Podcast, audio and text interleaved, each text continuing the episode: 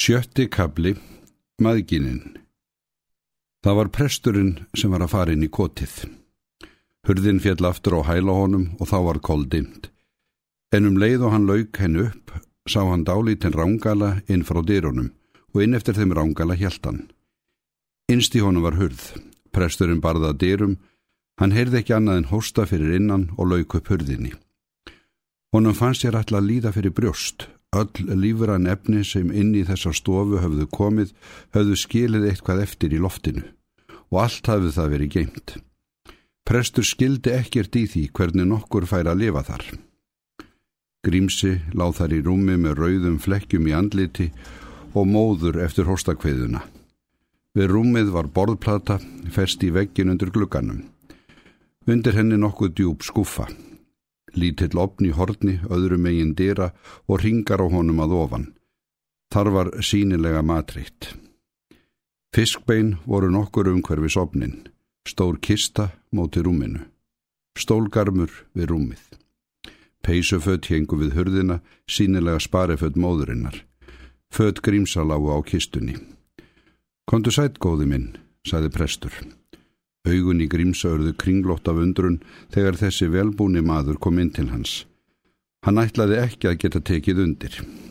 Að lokum tókst honum samtæk hreista það út úr sér. Prestur reyndi tafarlust að lúka upp glugganum, en það tókst ekki. Gluggin var ekki á hjörum og var límdur í. Hann opnaði stofudirnar og útirdirnar. Grímsi horfið stöðut á hann undrunar augum. Ég er nýkomni presturinn, saði sér að Þorvaldur, þegar hann hafði lokið þessu bjástri. Grímsi gæti engu orðu uppkomið. Mér langaði til að vita hvernig þér liði, saði presturinn ennfremur. Ég hefi svo mikinn hósta, saði Grímsi. Og eins og til þess að sanna málsitt fekk hann nýja hóstakviðu. Hriglan sögð og urgaði og að lokum ruttist mikið af leðju fram í munnin. Prestur skingdist um eftir íláti sem hann gæti rétt drengnum til þess að rækja í. En hann fann það ekkert. Og drengurinn hallaði sig fram af rúmstoknum og let leðjuna fara ofan á gólfið. Prestur tók þá eftir því að þar var podlur fyrir. Presti var aftur óglatt og alveg ráðalus var hann. Er ekki til einhver bodli handa þér að rækja í, mælti hann. Bodli, saði Grímsi þegar hann var lagstur út af og kottan aftur og var auðþyrt að ekki fór undrunin rénandi. Ekki má ég taka bollana hennar mömmu. Hvar eru þeir? spurði prestur. Þarna í borðskúfunni. Prestur dró út skúfuna og kom þaðan með bolla. Ræktu í þetta, sagði hann. Nei, það má ég ekki. Mamma á ekki nema tvenn pör. Ég sendi henni bolla í staðin, sagði prestur. Ertu mikið veikur að öðru leiti en hóstanum? Nei, en mér finnst ég vera óskup máttlaus. Haldi þér að ég muni deyja? Presti var nærið því orðið ógreitt um svar. Ég veit alls ekkert um heilsufar þitt góði. Ég heyrði bara á tilviljun konu segja við brunn hérna í nágreininu að þú væri veikur og spurði hanna hvar þú ættir heima. Þykir þér gaman að lifa? Já, hann leitt fram hann í prestin og presturinn brosti við honum svo góðmannlega og bróðurlega að Grímsi fann að hann gætt sagt honum allt sem sér kæmi til hugar, þó að hann hefði aldrei áður séð hann og hann bætti við á þess að finnast viðbótin vera neitt kynleg. Þegar strákarnir er ekki vondir við mig. Eru þeir vondir við þig stundum? spurði prestur. Oftast, saði Grímsi og rann úti fyrir honum. Prestur vildi ekki halda lengra þá leiðina sinni. Hvað er mamma þín núna? Hún var að sækja vatni í morgun. Nú er hún vist komin í kólavinnu. Þér þykir vist væntum ömmu þína sem vinnur fyrir þér svona baki brotnu. Já, já. Ertu eina barnið hennar? Nei, ég og bróður í Kaupmannahöfn. Hann er þar hjá pappa sínum. Er hann þá ekki líka hjá pappa þínum? Nei, pappi minn er norður í landi. Henni þykir vist vendum þig. Ég er svo óskup ónýtur, svo óskup seitn, ég er svo haldur. Þá kom stúlkan með gráasjalið inn í dyrnar. Ragnhildur hafði minnst þess bráðlega þegar hún var komin hinn til Sigriðar að hún var með gladning í körfunni til Grímsa. Hún fann að Ídla var til fundið að draga hann á þessu sem átt að víkja honum. Óvist hver mikið hann hefði fengið um morgunin og hún vonaði að prestur hefði ekki staði lengi við í kotunu og myndi verða farin. En þarna satt hann á stólnum hjá rúmunu og hjælti aðra höndun á Grímsa. Hún hikaði sig í dyrunum, en það varð að hafa það. Ekki gatt hún lappa sig burt aftur eins og sniftur hundur. Hún bóð þeim góðan daginn. Prestur stóð og tók hveðjunu prúðmannlega. Hér er enginn sem segir til napsins svo að ég verða að gera það sjálfur. Ég heiti Þorvaldur Gunnarsson og ég Ragnhildur Þorgrimsdóttir. Hún tók upp úr korfunni mjölkurflösku, kveitibröð, smjör, kjötstykki og nokkur egg. Hefur þið ekki list á að fá þér nú ofurlítið að borða grímsi? Mælti hún gladlega. Prestur hafði fært sig yfir á kistuna. Nei, ég hef enga matarlist. Bara að drekka ofurlítið í svo þyrstur. Hún tók tappan úr flöskunni. Prestur myndist bollans í skúfinni, dró hann út og setti bollan á borðið. Ragnhildur held í hann mjölk. Grímsi smakkaði á hennu og sæðist ekki hafa list á meiru og lagðist út af aftur. Þau virtu bæði fyrir sér höfiðið á grímsa á óreinum móleitum kottanum. Hári var þund og ógreitt, lá í svitaklessum niður um ennið og yfir því eiranum sem upp snýri. Innan í þessar umgjörð var magurt andlitið, lítið og rýrt, eins og lamsandlit. Getur ekki vísa mér á greiðu? spurði Ragnhildur. Grímsi vísaði á hana í borðskúfunni. Ragnhildur fór að greiða honum, prestur sá að í raun og veru var erindi hans lokið. Ragnhildur var tekið við stjórninni, en hann langaði til þess að vera dáli til lengur. Nú ætti ég að þvó þér í framann, saði Ragnhildur. Þvó mér? Er ég nokkuð óreitt?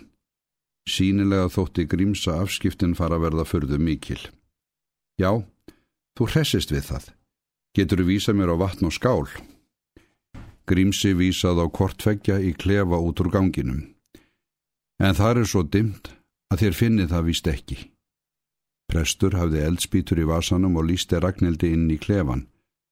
Þar var eins og miklu fíla í loftinu. Veistu nú um nokkurt svamp og þurku? Nei, svampur er engin til og grímsi vissi ekki hvar þurkan var. Þá er ég að þó þér með vasaklútnum mínum, saði Ragnhildur. Og þurka með vasaklútnum mínum, saði prestur. Hann horfði á laugunina á svo mikilli aðtegli sem væri hún vísendilega tilraun er heil mannkinsins væri að einhverju leiti undir komin. Að þottinu loknum var þeim báðum í einu litið á fiskbeinin við opnin. Þau litu kort framann í annað. Ragnhildur fór að týna þau inn í opnin. Þá var þeim báðum litið á hrákapollin við rúmið og aftur litu þau kort framann í annað. Presti síndist þjáningarsvipur farum andlitið á Ragnhildi og því næst gretti hún sig. Loks sló hún. Þá er að þurka það upp, saði Ragnhildur og yfti aukslum. Veistum nokkur að góltusku grímsi. Grímsi vissum hana í klefanum. Prestur lísti henni aftur. Prestur leit á hendurnar á henni, kvítar og mjúkar. Hann vildi fá að taka við tuskunni. En nærrið því var ekki komandi. Hún laud niður og þurkaði, rétti sig upp og vissi ekkert hvað hún ætti að gera við tuskuna. Hún stóð þarna með tuskuna í hendinni alveg ráðalös. Hann horði á hana og var líka ráðalös. Loks fóruð þau bæða að hlæja eins og börn. Hvað á ég að gera við þennan þremil, sagði hún. Ég held snjallast verða að láta hann í opnin, sagði hann. Hún fjælst á það og gerði það tafarlöst. En þetta á að brenna, sagði hún. Þá brennum við það, sagði hann. Hann kveikti enn á elspítu og bar hann að dölunni. Hún sviðnaði lítið eitt í jæðrinum, en honum tókst ekki að kveikja henni, hvernig sem hann eitti elspítunum. Ætla engin steinálja sér til, mælti hann, og var nú orðin hinn ákavasti. Enn fóru þau að leita í klefanum, en steinálju fundu þau enga. Þá myndist prestur þess að hann hafði séð hefilsbónarúi við hús sem var í smíðum þar í nágrinninum. Hann þaut út tafarlust. Ragnhildur horði á eftir honum út úr dýrónum. Hann hljóp eins og hann væri að flýja ílveður. Þá fór hún inn til Grímsa og tók um höndin á honum eins og presturinn hefði gert þegar hún kom inn. Fólkinu var heldur en ekki starfsynnt á nýja prestin þegar hann kom berhöfðaður með fullt fangið á tríaspónum og bar þá inn í koti til ymbu vaskerlingar. Hvað stendur til? spurði hver við annan og menn góndu og góndu og kotið, laungu eftir að prestur var horfin inn úr dýrunum.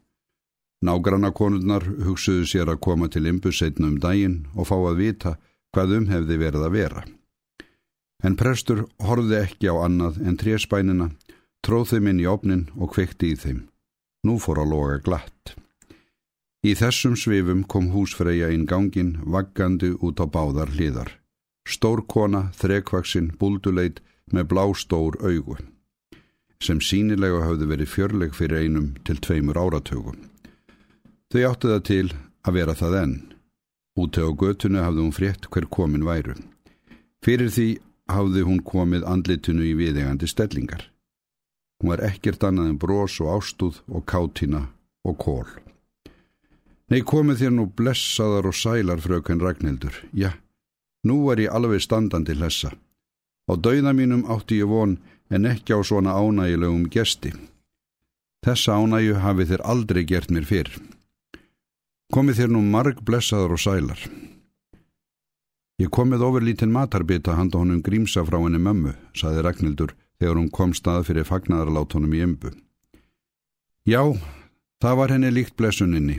Hún lætur sjaldnast á sér standa að líkna smælingunum. Og komið þér blessaður og sæli, sagði hún og snýri sér nú að presti. Þekki þér mig? Ég er nú nýkominn hinga til bæjarins. Já, hvort ég þekkiður. Hvort ég heyrði ræðuna eða í gær. Ég veit ekki. Þakkaður ástsamlega fyrir hana, sér á Þorvaldur. Ég segi það satt Ég gat ekki stilt mig um að segja það við hana gróðu mína Pétus, hérna nágrannakonu mína, sem er greindarkona, greindarkona. Ég sný ekki aftur með það þó að ímislegt megi nú að henni finna og þó að ímislegt sé að henni fundið og það með réttu og kannast við það. En ég segi það satt, ég gat ekki stilt mig um að segja það við hana þegar ég kom frá kirkjunu að þetta væri það indislegasta guðsorð sem ég hefði nokkur tíman á minni lífsfætri æfi heyrt. Já, þetta eru nú ánægilegir gestir, það má nú segja. Og þér komin hingað sér að Þorvaldur úr Kongsiríki domkirkjupressins inn í auðmasta gardsordnið sem til er í henni Reykjavík. Já, nýjir síður koma með nýjum herrum, það má nú segja. Og ég er nú svo sem öldungis hlessa. Yngibjörg flutti ræðuna með miklum áherslum og svo hátt að söngi öllum kofanum. Í ræðulokk dró hún að sér andan langt og þungt og þeitti honum út um vitin með óvennilegum háaða, annarkvort af fagnaðurundrun eða því að hún hafði alltaf staðið á öndinni meðan hún let dæluna ganga. Ég vona að þér misverði það ekki við mig, saði prestur, að ég tók þarna botlaniðar til þess að láta drenginiðar rækja í. Hann má ekki með nokkru móti rækja á gólfið. Ég sendiður bollapör í staðin og ég reynað útvegiður eitt hvert hentugra ílát handa honum til þess að rækja í. Já, misverða prestur minn, hvort ég muni misverða það sem ég er vel gert, ég held nú síður. Þakkaður ássamlega fyrir. Og svo má glukkin ekki vera svona lokaður alltaf. Hann ætti að vera sem allra mest opinn. Ég sendiður einhvert smið til þess að gera við hann, hvena sem ég næ í hann. Já, Ekki ætlið þeir að gera það endasleft. Verið þeir blessaður fyrir það. Verið þeir nú sælar Ingebjörg, sagði Ragnhildur og tók korfuna á handleik sér. Og verði nú sælgrímsiminn og góðan bata. Prestur kvatti líka og þau fóru út úr dýrunum. Ingebjörg fylgdi þeim til dýra og sendu eftir þeim blessunurnar svo að heyrðist langar leiðir. Guð má vita hvað var það brósinu og ástúðinu og kátuninu á henni meðan hún var á leiðinni inn gangin. Allt var horfið þegar hún kom inn í stofanu til Grímsa, nema kólinn. Hvert fjandan vill það vera snuðra hér, þetta fína hiski, sagði hún í meira lagi önuglega. Ég held að þau hafi komið til þess að vitjum mig, sagði Grímsi. Þau voru óskup góð við mig. Vitjum þig, nema hvað. Ætli þeim standi ekki nokkuð og samum þig, drengur minn. Ætli presturinn svarna fengi ekki eins tekurna sínar þó að þú rykkir upp af. Það vil hafa nefið niður í hverjum koppi þetta hiski og svo fussar þá og sveigjar ef ekki er ylvantslikt af öllu saman. Ég held að ég fyndi þefin af þeim báðum. Það er líka prestlegt að vera með annan eins spjátrungskap. Skrattin fjarir mér. Það heldur víst að ég hefi tíma til að fá allt á snurfusa, eins og þetta íldíði sem aldrei gerir ærlegt handarvik. Ekkert þarf annað en að sleikja sólskinnið og hvert bannsettan þremilin kemur prestunum við hvar við hrækjum. Ætlar hann að verða eitt hvert yfirpólíti hér? Eða gluggin minn? Hann fyrir líklegast bráðum að rýfa kofan ofan á hausnum á mér. Við sjáum nú hvað setur. Ætli Ingebjörg litla fari ekki í sínu fram. Skildi hann láta sitja við þetta eina bollapar? Ekki væri það nú eiginlega höfðinglegt. En ætli það sé ekki best að ég strjúki hérna af gólskrattanum áður en fleira treðu sér inn á manna þessu hiski? Nú verður kannski aldrei friður. Ingi Björg fór fram í klefan til þess að búa sig undir gólþóttin. Hún kom inn aftur með öndin í hálsunum, snuðraði í hvert horn og lagðist flöt á gólfi til þess að sjá og þreyfa undir rúmið. Hvar er góltuskan mín? Hvernig getur staðið á þessu töytaðum fyrir munni sér? Þau tóku hana saði Grímsi látt. Hann þorði varla stinja því upp. Hva, tóku hana? Hvað ætluðu þau sér með hana? Hvað gerðu þau við hana? Ekki hafið þau getið hana? Þau brendu hana, saði Grímsi enn lagra. Hva? Yngibjörg tóknaði öll saman út. Brendu hana? Má ég spyrja þið, drengur minn, eftir hvaða guðs eða manna lögum þau reyðjast inn í mín hús og brenna mína eigur? Brenna fyrir mér góltuskuna. Grímsi var nú ekki svo lögfróður að hann geti svara því. Hann þægði og hann skalvi í rúminu. Offsin var svo mikill í móður hans að hann hjælt á hann ætlaði að berja sig. Af gömlum vana var rétt komið fram á varirnar á honum. Ég skal aldrei gera það oftar. Brendana, ekki nema það þó. Jæja, lítið er ungsmanns gaman að koma hinga til þess að setjast við að brenna tusku fyrir fátækri konu. Jæja, það verður hver að hafa sem á hann er lagt. Offsinn var farin að sefast. Yngibjörg let nú ekki jafn ófriðlega á áður. Henni var litið á borðið, þar var mikil matur. Ætli það sé ekki best að maður fara að nastla eitthvað í þessari matarögn sem hún hefur komið með drósin, svo maður hafi þó eitthvað fyrir snúðsinn, sagði Yngibjörg og tók all hrauslega til matarsins. En grímsi grúði sig niður og hugsaði um kvítar, mjúkar hendur sem hefðu farið um andlitið á sér, þanga til hann sopnaði. Síðast heyrði hann það til móður sinnar að hún var að tauta við sjálfa sig með fullan munnin. Brenna fyrir mér tuskuna, ekki nema það þó. Þau prestur og Ragnhildur urðu samferða vestur í bæin. Hvernig stendur á því, sagði presturinn, að þó að ég hefði verið þarna allan daginn hefði mér frálegt á nokkur tíman dottiði huga að gera það sem þér gerðuð. Mér hefði aldrei hugkvæmst að fara að greiða drengnum, nýja þvóhonum, nýja tína upp fiskbeinin, nýja þurka upp rákana. Hvernig stendur á því, saði Ragnhildur og leitt framann í hann brosendi, að þó að ég hefði verið þarna allan daginn, hefði mér frálegt nokkur tíman dottið í hug af sjálfstáðum að gera það sem þér gerðuð. Mér hefði aldrei hugkvæmst að halda í höndin á honum meðan ég hefði verið að tala við hann. Og prestur var gladur eins og barn og honum fundust sér allir vegir færir.